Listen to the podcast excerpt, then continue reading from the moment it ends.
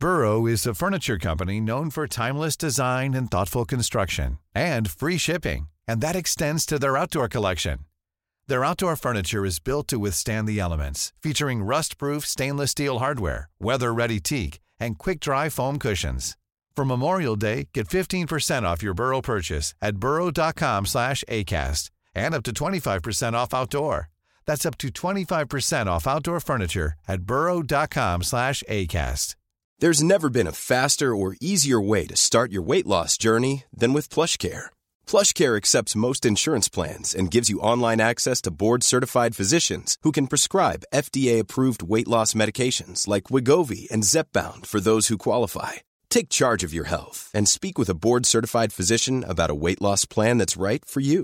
Get started today at plushcare.com slash weight loss. That's plushcare.com slash weight loss. plushcare.com slash weight loss. Hiring for your small business? If you're not looking for professionals on LinkedIn, you're looking in the wrong place. That's like looking for your car keys in a fish tank.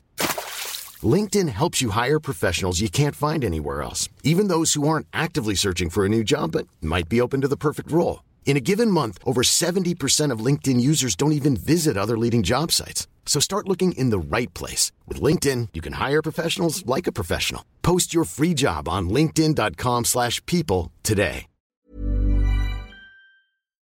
Klagestorm mot NRK og tar velferdsstaten kirkens plass.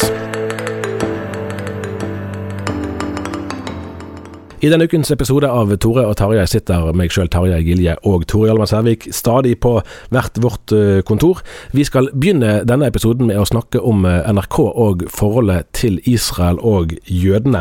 Bakteppet er jo at eh, programleder Sean Henrik Matheson tidligere denne uken hadde en hel tirade mot Israel.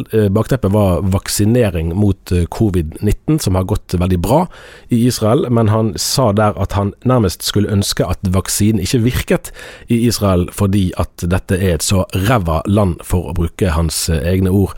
Dette har vakt eh, sterke reaksjoner, eh, Ja, Vi har jo sett den helt uvanlige situasjonen at Den norske Israelmisjonen og flere andre Israel-organisasjoner har gått til politianmeldelse av Sean Henrik Matheson. Og I tillegg så er det jo kommet skarpe reaksjoner fra ikke bare Israel-venner, men også fra det mosaiske trossamfunn og fra eh, diverse folk i media og eh, politikere. Jeg merket meg at tidligere justisminister Per-Willy Amundsen han ville like godt legge ned NRK. Ja, det var, jo, eh, det var jo et av de mer uvanlige utspillene i denne saka. Og er vel ikke Frp sitt forhold til NRK spesielt hjertelig fra før heller? Nei, det er jo kjent at tidligere partileder Kari Hagen omtalte det som ARK, altså Arbeiderpartiets rikskringkasting. Men her kommer jo reaksjonene ikke De fyller ikke bare et eh, politisk spekter. Det, det, er jo folk som reagerer på dette, som, eh, som eh, ikke nødvendigvis er medlem i en Israel-organisasjon. Nei, så skal det jo sies, det var vel på, var ikke det på tirsdag kveld at, eh, at underholdningssjef Charlo Halvorsen eh, beklaget at dette her hadde gått for langt, og at, eh, at, at denne del av programmet òg ble avpublisert, eller ble, ble, slettet. Så de har jo sånn sett uh, tatt et redaktøransvar. Men det skal jo likevel bli interessant å se hva for et etterspill episoden for. En ting er for Matheson sjøl, der har de vel sagt at det skal ikke få konsekvenser for, for han, men saken kommer opp i, i Kringkastingsrådet, og det her blir det jo et politisk etterspill eh, allerede, i og med eh, den uroen som, som har eh, vært. Jeg så Sylvi Listhaug, nestleder i Frp, nå var ute og uh, mente at Abid Raja, kulturminister for Venstre, måtte gripe fatt i saka. Men det, det, illustrerer jo egentlig godt Eh, to tematikker. Det ene er jo generelt dette her med hva er satire, og hvor langt kan den, den trekkes? Og det andre er jo forholdet mellom eh, Israel-kritikk og antisemittisme, eller jødehat. Eh, og det er jo der flere har meint at, at det det Matheson leverte her, ikke bare var, var skarp og harselerende Israel-kritikk, men at det gikk over grensa med å gå inn på, på typiske antijødiske fordommer. Da. Blant annet forestillinger om, om Guds utvalgte folk, og, og, at de på en måte skulle ha oppfatte å ha en slags eksklusiv rett til å, til å gjøre akkurat som de vil, uten at det skal ha noen konsekvenser. Vi har jo eh, Konrad Myrland som leder eh, organisasjonen med Israel for fred som spaltist her i Visten. Han eh, påpekte for ja, ja, i forrige uke, eller så var det uken før, at, at i, i, eh, i eh, blant annet i Nytt på Nytt så hadde jo Bård Tufte Johansen en litt sånn, sånn replikk her for Det var tidligere i år, så det var ganske nylig om at dette med at palestinerne ikke ble vaksinert, det var jo fordi det var ikke vits i å vaksinere noen som snart skulle dø likevel. Og komiker Sigrid Bonde Tusvik hadde hatt en kommentar om at israelerne jobber på fulltid med å ta livet av, av palestinerne. Dette er jo i, i, det som skal være et humorprogram, og det er jo veldig vanskelig egentlig å, å kritisere humor, for du blir liksom stående igjen som den kjipe, eh, nesten samme hva. Og nettopp at satiren skal jo være fri. Det, hvis ikke satiren kan være fri, så er det ikke vits i å ha satire. Men hvor går da grensen, og hva er det greit å si? For her, altså for norske Israel-venner, er jo dette liksom den ultimate bekreftelsen på det de allerede har ment lenge, nemlig at NRK har en tydelig anti-israelsk og anti-jødisk slagside. Ja, og Det er jo en debatt som vi har fått opp med jamne eller ujamne mellomrom, som går på nyhetsdekninga til NRK særlig, og hvem som har vært korrespondenter i Midtøsten. Der har det vært gjort flere uh, uavhengige vurderinger av NRK sin utenriksjournalistikk, uh, bl.a. av Cecilie Hellestveit, som er en anerkjent uh, jurist med omfattende internasjonal erfaring. og og her er vi jo over et litt annet landskap, for dette er jo ikke en, en programleder som rapporterer fra Midtøsten, der du kan si eh, om han burde ha snakka med flere israelske kilder, eller burde vektlagt andre ting, eller vist andre bilder. Dette er jo en, en, en sjanger som i sin natur er vanskeligere å diskutere. For, fordi en eh, vil jo ha andre kriterier for eh, satire, altså Uavhengig om en syns noe er morsomt eller ikke, så, så, så, vil det være litt andre kriterier for, for altså du, du, forventer på en måte at, ikke at dette her er eh, reportasje om, om eh, som skal gi adekvat framstilling av, av eh, forholdene i en konflikt. Men samtidig så er det jo noe med eh, ikke minst Gjørans historie, som vi nå er blitt minnet om på nytt med den eh, internasjonale holocaustdagen i, eh, i, slutten av januar, og med, med eh, filmen om eh, altså den største forbrytelsen, basert på Marte Michelets bok, som, som, nettopp er ute, som, som forteller seg om på nytt den, den utrolig brutale og vonde historien som, som jødene har hatt i Europa.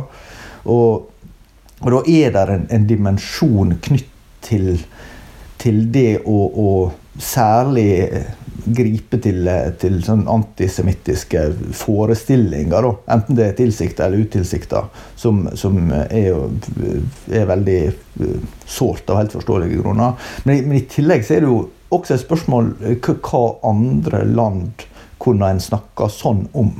Eh, og det hadde vært greit. Altså, eller hva andre grupperinger kunne en raljere med på en sånn måte uten at det har blitt ganske sterke reaksjoner. Ja, og, det spørsmålet syns jeg er ganske Det er farlig å drive og sammenligne måte, lidelse mot lidelse, smerte mot smerte og rasisme mot rasisme. For der er det ofte så veldig altså Det er sterke følelser i sving, og ofte dype historiske røtter og mye lidelse bak. Men, men vi har jo selvfølgelig hatt Black Lives Matter-bevegelsen som stadig gjør seg gjeldende. Dette kunne han sagt noe sånt som dette her om svarte? Neppe.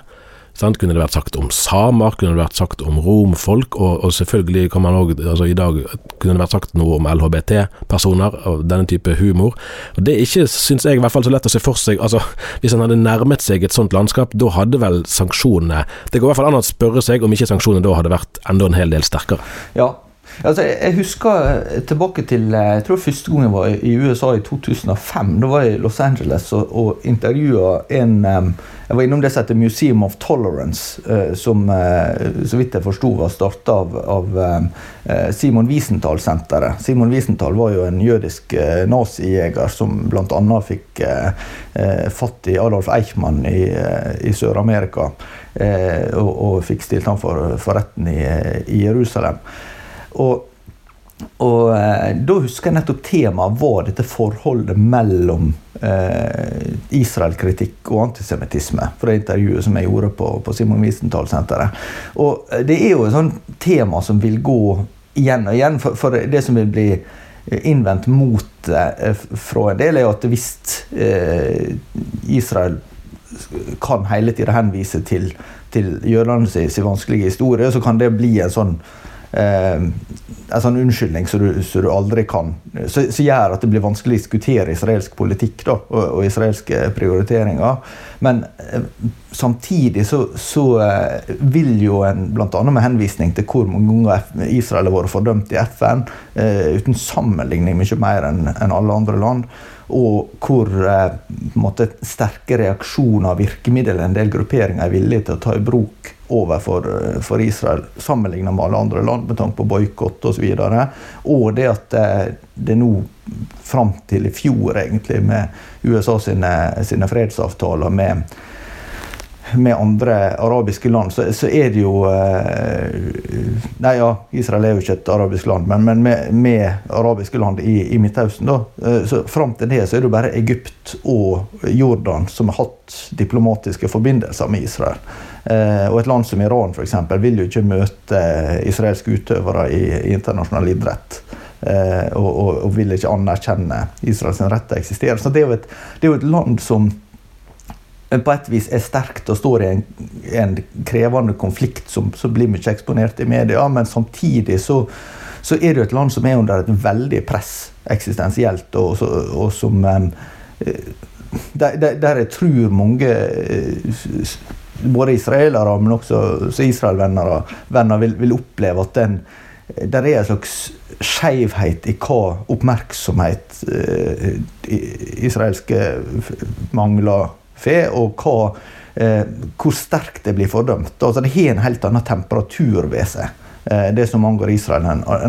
Det er ikke mulig å finne noen konflikt som har så, eh, så, sterke følelser knyttet seg. Akkurat. og det er jo litt sånn, For her er det et bakenforliggende poeng at dette var i, i denne Matheson sitt eget program som heter Shaun, som går på ikke på NRK P3, men på NRK P13.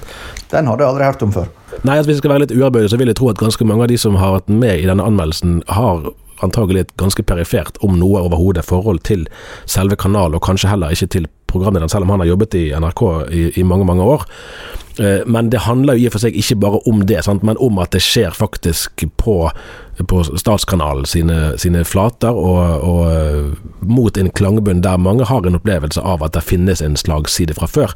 Men det er jo en kjensgjerning. Altså de som jobber i Kringkastingsrådets sekretariat eh, kunne vel ganske sånn tirsdag kveld bare skjønne ok, nå må vi regne med at her kommer det til å bli en del henvendelser de neste dagene. Ja, det var jo kommet flere hundre klager som, som vi skrev. Men men jeg syns det var, ganske interessant å lese et innlegg i Vårt Land av eh, Leif Knutsen, som eh, kanskje noen kjenner til. Han er jo norsk jøde.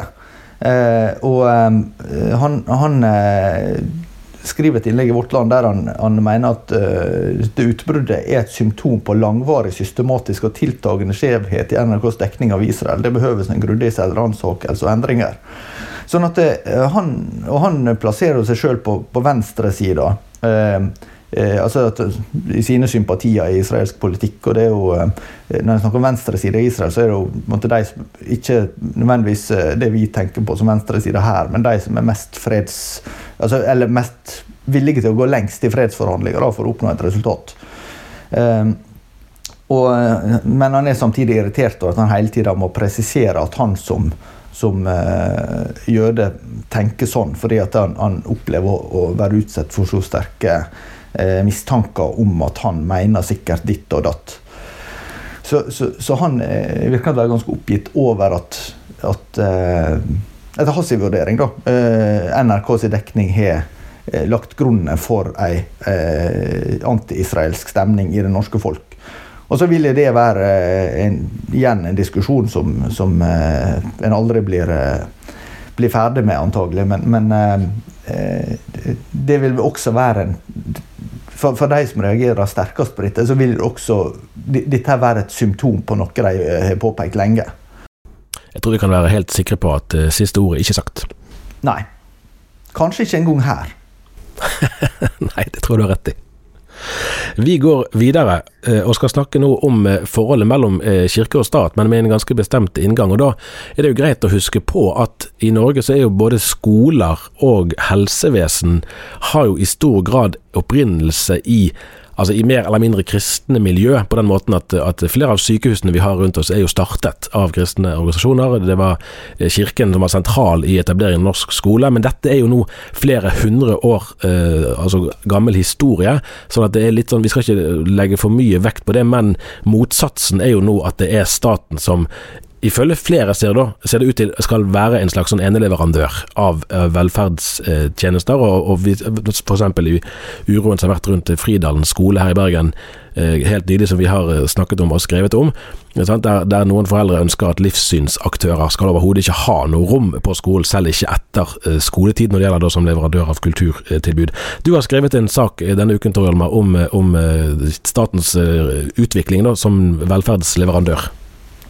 Det stemmer. Jeg intervjuet en jeg møtte et par ganger før i eh, London, nemlig Nick Spencer. Han jobber for den kristne eh, tankesmia Theos.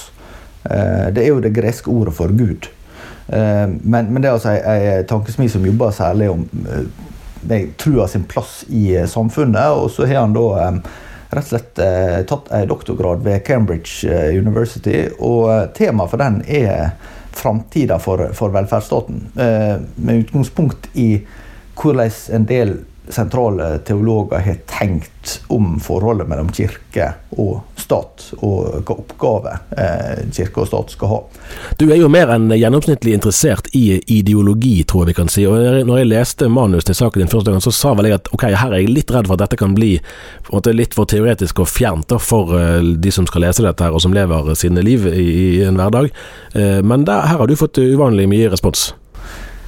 Ja, altså det, det, er en del eh, som har, har, skrevet til meg om, uh, fra litt forskjellige plasser om at de syns dette var, var um, veldig interessant. Og det, det syns jeg var, var litt uh, inspirerende, egentlig. For, fordi dette her er en tematikk som jeg tror vi som nordmenn ikke minst kan, kan um, ha nytte av å tenke litt mer igjennom.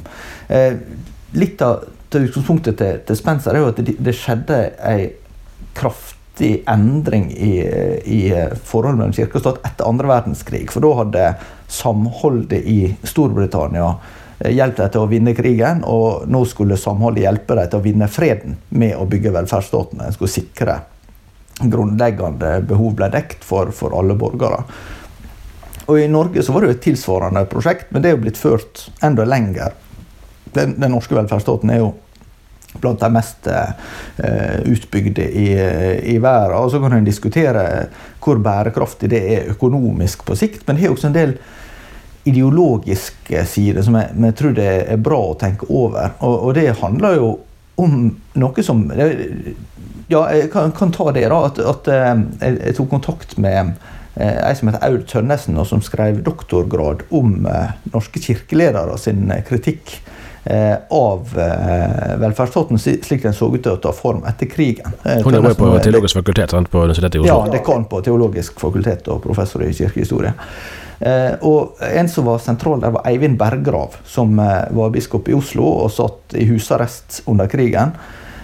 og Han skrev på den tida boka 'Staten og mennesket'. Og Den tok ikke egentlig utgangspunkt i nazismen, men, men en lengre utvikling i retning av en, en stat som fikk mer makt. Og, og det var flere ting Bergrav var bekymra for knyttet til det. Det ene det var at eh, det han kalte livsgruppene i samfunnet, som er det frivillige, kirka sin diakoni osv., at det skulle bli erstatta.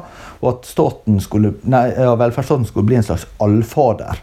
Eh, nærmest noe som er erstatning for Gud. Her er jo nesten sånn to motsatte utviklingstrekk, jeg tenker på. fordi at altså nå, Joe Biden er jo ikke noen sånn ytre venstre-demokrat, men, men, delvis altså helsereformen til Obama, og delvis det vi ser nå på, på, på venstresiden i Det demokratiske partiet i USA, peker jo i retning av på en, måte, en velferdsstatstenkning som ligner mer da, i hvert fall på det vi er vant med fra Europa. Eh, og så kan du si at det vi snakker om her, er egentlig å orientere seg motsatt vei. Ja, eh, det, det som en vel kan, kan si, er jo at, at eh, til dels tror jeg det er vanskelig å unngå at staten får en mer omfattende rolle i et samfunn som blir mer komplekst. Det handler jo delvis om at, eh, om at helsetjeneste, eller den medisinske forskningen er kommet så langt at at det er veldig vanskelig å se for seg sånn i de fleste samfunn at det skal være helt eh, desentralisert og privatisert. For du, du, vil ikke ha miljø som er sterke nok, og du vil ikke ha måte, ordninger som, som borgerne opplever rettferdige nok. Det er jo en stor debatt i USA, naturligvis, der, men det er jo det eneste landet i Vesten som ikke har eh, en tanke om at du skal i prinsippet ha et offentlig helsetilbud for alle. da, Som en praksis har jo en del offentlige helsetilbud der også. Så, så um, ja, tror at det, det, at staten blir mer inngripende omfattende, det, det, er litt vanskelig å unngå i et samfunn som, som blir moderne og senmoderne. Eh, men det er jo også et spørsmål om forholdet enkeltmenneske, familie, stat, som, som er veldig interessant. Fordi at eh, Eh, hvis du, der er en, eh, en, eh, engelsk historiker som heter Toynbee, om jeg ikke husker feil, så sa du at en, en engelskmann før år 1900 han møtte ikke staten på andre måter enn at han traff en postmann og kanskje var i kontakt med den lokale lensmannen hvis han hadde behov for, for ordensmakta. Men ellers så merka ikke han stort at staten fantes. Eh, og, og, sånn er det jo ikke for de fleste av oss i dag. Vi har jo et eh, ja, eh, på alle mulige områder har jo staten eh, en slags rolle å, å spille. Eh, og, og, det kan jo også, også ha den sida at, at du kan diskutere om, om det går utover friheten til, til borgerne. Fordi at staten også disponerer i, i Hvis du tar med, med moms og sånn, så betaler vi en ganske høy prosent i skatt. Eh, og dermed så er jo mulighetene til å disponere og, og bygge opp frivillige uh, og alternative institusjoner det er jo Uten statens hjelp det er jo nesten umulig. Men, men du har jo også en faktor som Spencer er inne på, som fra et kristent synspunkt er interessant. det er jo er det sånn at Kirka gir fra seg uh, oppgaver som den naturlig har hatt for Hvis man skal spørre om når, når er Kirken på sitt beste sant? Det, det, det finnes ikke noe sånn helt entydig svar på det, men, men, hvis vi går et skritt videre og spør hvilke eh, sider ved Kirkens virksomhet er det som, som gjør sterkest inntrykk da, i eh, omgivelsene, så er det jo ganske lett å se at når Kirken går foran i å vise omsorg for menneskene, Kirkens Bymisjon, Frelsesarmeen osv., det Eh, det gjør inntrykk. Det, det gir eh, et, altså, fortjent et godt omdømme. Uh, og, og eksempel Metodistkirken har jo en stolt historie med en sterk diakonal profil. I dag er det jo nesten sånn en fare for at, at, dette kan bli litt sånn lammet, fordi vi er så vant til å tenke at neimen, det er jo det offentlige som skal fikse sånne ting. Ja, men, men, der blir det jo stadig tydeligere i eh, vestlige land. Og vi merker ikke det så eh, godt i og med at eh, vi har oljeinntektene. Men, men velferdsstaten er under ganske sterkt press. Som Spencer er inne på, så, så er jo ikke en ting at den ikke har råd til eh, alt den har lovt, men den har jo ikke råd til å låne penger til alt den har lovt. Det er på en måte det som, det som er blitt situasjonen. at, at eh, Eh, F.eks. Storbritannia har jo en krevende økonomisk situasjon, og så er det aldrende befolkning. Ja, og Den er jo veldig forskjellig. Der er jo vi, som du sa, nettopp veldig altså voldsomt privilegerte i Norge, vel mer enn vi egentlig forstår. sånn at det ikke er helt sammenlignbart. Nei, og, og, og likevel da, så, så, er det jo opplagt ut fra, fra det som Spencer er også inne på, at der er behov som er veldig vanskelig for staten å løse. For, for hva er et gode? Hva, hva, er det som er bra for mennesker? Det, det, handler jo delvis om å ha en plass å bo og få utdanning og få legehjelp osv. Men det handler mye om å være del av et fellesskap og om å få, få samarbeide med andre, om å, om å, få oppleve at en hører til. og sånn. Det, det kan jo ikke på en måte lovfeste. Det, det, det, må, det må, skapes nedenfra. Det, må være det, det var en sånn historie som har levd etter Lars Korvald, som var KrF sin første statsminister, men som ringte inn til kommunen for, for, å fortelle at naboen min er i ferd med å snø inne. Dere må gjøre noe. Men det har liksom ikke slått til at kanskje han burde ta en spade og hjelpe til sjøl. Riktig. Og det, det, tar oss vel videre til eh, neste emne, som egentlig er litt beslektet. Og det var jo fint for meg som har studert litt grann eh, sammenlignende politikk eh, for mange år siden, å kunne skrive om et liberalt demokrati denne uken her. Eh, utgangspunktet for det var at eh, generalsekretær Kjetil Vestil Haga i Nordmisjon hadde et eh, leserinnlegg som vi publiserte på nett, vel tror jeg var på fredag, og som sto på papiret nå på tirsdag, der han tar til orde nettopp for å ta vare på det liberale demokrati. Og det kan jo høres uh, kanskje selvsagt ut, nesten. Det spørs jo hva man legger i begrepet. Men her er en ganske interessant synes jeg, forskjell på den måten at, at helt inntil ja, på slutten av forrige årtusen, altså for et par tiår siden, kanskje vi kan si en generasjon siden, så har jo det vært en, en både juridisk forankret og i Grunnloven forutsetning, i hvert fall et ønske om fra mange, at, at kristen tro og tenkning skulle være normgivende i samfunnet, og man har prøvd liksom å holde, å holde på den skansen at det er et et kristent verdensbilde som skal være utgangspunktet for hvordan de forstår det norske samfunnet. Mens det å orientere seg mot et liberalt demokrati, det innebærer en ganske stor, eh, en stor forandring, sånn sett. Ja, en, eh, en, er jo ikke lenger i et uh, kristent enhetssamfunn, apropos et Norge som, som forandrer seg. Jeg så vel, uh, mener jeg husker at Fram til 1970 så var 94% av befolkninga medlem i Den norske kirke. Uh, nå er vi vel rundt 70 og hvis trendene fortsetter Jeg så det dåpstallene for 2019. Da er vel rundt halvparten, 51% av alle fødte, ble døpt. Sånn at det, det, det ligger jo noe i eh, hele den eh, livssynsidentiteten til den norske befolkninga som har endra seg veldig. Og så er dette, her, eh, dette er sammensett, men, men altså, en kommer ikke vekk fra at den, den enhetskulturen som, som, vi har hatt i Norge, den handler jo mye om hele statskirkeordninga og tanken om at, at vi har én religion. For dette, her er det et viktig poeng at, at, dette er ikke bare teoretiske begreper, men i det vi sier det at, at ok, nå er det og for, for, det som blir kalt for konservative kristne. Det er jo et begrep som eh, ikke alle er like komfortable med, men jeg vet ikke hvilke begreper egentlig det som passer, som alle er komfortable med. Eh, så jeg kaller det for det. Eh, at der, der eh, handler det ikke lenger om å kjempe om å få være liksom, den toneangivende liksom, kulturelle kraften, for den kampen er ikke lenger aktuell. Nå handler det om å kjempe for å ha en rett til å få heve sin stemme og få hevde det man står for, uten å bli liksom, forsøksvis skjøvet ut av den offentlige arenaen. Så det er jo på en måte en, en nederlagserkjennelse i det, men jeg mener i hvert fall at det er en veldig viktig erkjennelse som Haga der kommer med, eh, og en erkjennelse som vel jeg vil si skjer mot en klangbunn der um, en form for resignasjon, i hvert fall litt sånn rådvillhet, synes å prege eh, kristne ledere på denne siden av liksom konservativ-liberal aksen, der man, der man, skjønner godt at, at det standpunktet man har f.eks. knyttet til ekteskapet, er veldig upopulært eh, hos sterke krefter i samtidskulturen, og fremfor da å gå i kampen, så velger man å holde seg nokså, ligge nokså lavt, og kanskje håpe at det går over. Det kan det jo være at det gjør en gang, men, men sånn som utviklingen er nå, er det vel mer nærliggende å tro at det strammer seg til i flere runder før det eventuelt eh, går over. Det er ikke sikkert det gjør det heller, det vet ingen av oss. Eh, og Da tror jeg at det å faktisk kjempe aktivt for å ha en plass, og, og på en måte kreve at, at et kristent, tradisjonelt syn på ekteskapet òg har en, Det høres jo rart ut å si det, egentlig, med tanke på hvor lang historie det har, men at det òg har en legitim plass i den offentlige debatten, det tror jeg er en viktig kamp.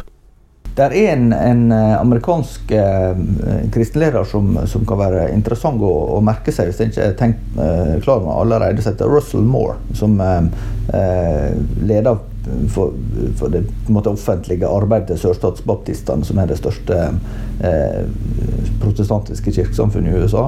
Og han, han, snakker om kristne som en kreativ minoritet. Og, og, tanken er vel at det, det du kan få gjennomslag for politisk det, det er begrensa, og særlig når du, du får en kultur som endrer seg ganske grunnleggende over tid. Eh, så, sånn at noe av utfordringa her blir jo kanskje nettopp det å være en sånn en kreativ minoritet. Og hva, hva, hva skal det bety? Eh, når en eh, ja, kanskje må erkjenne at, at en del av de eh, tingene som en helst skulle ønske at en kunne oppnå. Det, det er det slett ikke flertall for. Eh, men du har jo stadig vekk eh, vist til eh, Oskar Skarsaune sin, si, bok om bergprekenens Jesus. Så det er kanskje, kanskje noe der med i en norsk kontekst. Ja, det er i, i høy grad aktuelt det, sant? der han skjelner mellom kristianisering og evangelisering, altså det kristianisering som det som skjer fra toppen, fra myndighetsnivået, og evangelisering som det som skjer nedenfra når mennesker møter Jesus, og møter mennesker som har møtt Jesus, og, og livene blir forandret, og kirken blir bygget eh, på den måten. Det tror jeg er et mye mer interessant og konstruktivt spor enn en, eh, liksom å, å, krampaktig prøve å kneble, eller å, å, å klynge seg til et, et, hegemoni som egentlig har mistet uh, kraften for, for uh, lenge siden. Men til slutt Vi har gjort noe som egentlig ikke er så uvanlig denne uken, men som likevel akkurat nå føltes veldig uvanlig. Vi har vært på reportasjereise. Rett og slett til Sørlandet. Vi vendte tilbake. Vi, vi, vi syntes det var fint å være her i 2019, så, vi, så snart anledninga bød seg nå, så, så får vi tilbake. Det var stas. Det var det. Det eneste skår jeg gleda var at vi måtte bruke fire og en fra Lyngdal til Kristiansand i bil bak eh, en masse trailere med glatte dekk. Det er vel lov å si det at uh, det var ikke så gode rutiner for å håndtere snøvær der. Nei. Men uh, Den kjørte som skulle ta 1 time og 20 minutter, tok 4 15 timer. Ja. Men, eh, men vestlendingen har jo vært ute en uværsdag før, så, så det, det takler vi. Men, men det var, vi skal komme tilbake til det både skriftlig og muntlig, tror jeg. Blant annet var det veldig kjekt å besøke KVS Lyngdal, som eh, vel er den kristne friskole i, med det største internatet i landet, forstår jeg. Stemmer. Det kommer en reportasje derfra på tirsdag. De måtte jo nettopp vaksinere, nei ikke vaksinere, det kunne de ikke, men de skulle teste alle elevene eh, for koronasmitte etter julen og oppdaget at ingen var smittet. Det var alt, det alt, men det var jo en ganske sånn massiv testing av et helt eh, klientell på, på altså alle elevene på, og lærerne på, på Ja, skole. rundt 350 elever, hvis det ikke er feil. ja, og ingen positive tester, så det var hyggelig for de. Da kunne de ha undervisning igjen. Så det kommer det mer om, og mer til i ukene fremover. Yes. F- Du fant veien til Flesland denne gangen òg.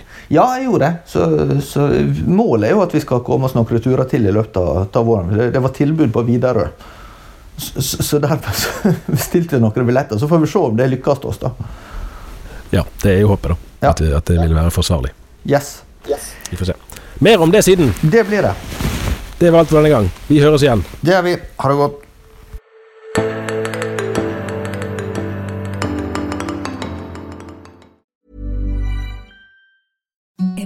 The softest sheets you've ever felt. Now imagine them getting even softer over time. That's what you'll feel with Bowl and Branch's organic cotton sheets. In a recent customer survey, 96% replied that Bowl and Branch sheets get softer with every wash. Start getting your best night's sleep in these sheets that get softer and softer for years to come. Try their sheets with a 30-night guarantee. Plus, get 15% off your first order at bowlandbranch.com. Code BUTTERY. Exclusions apply. See site for details. Hi, I'm Daniel, founder of Pretty Litter. Did you know cats tend to hide symptoms of sickness and pain? I learned this the hard way after losing my cat, Gingy. So I created Pretty Litter, a health monitoring litter that helps detect early signs of illness by changing colors, saving you money and potentially your cat's life. Pretty Litter is veterinarian developed, and it's the easiest way to keep tabs on your fur baby's health right at home. Go to prettylitter.com and use code ACAST for 20% off your first order and a free cat toy.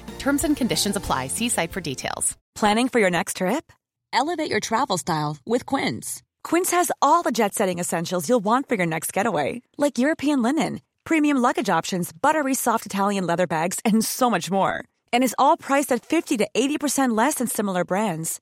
Plus, Quince only works with factories that use safe and ethical manufacturing practices. Pack your bags with high-quality essentials you'll be wearing for vacations to come with Quince. Go to quince.com slash pack for free shipping and 365-day returns.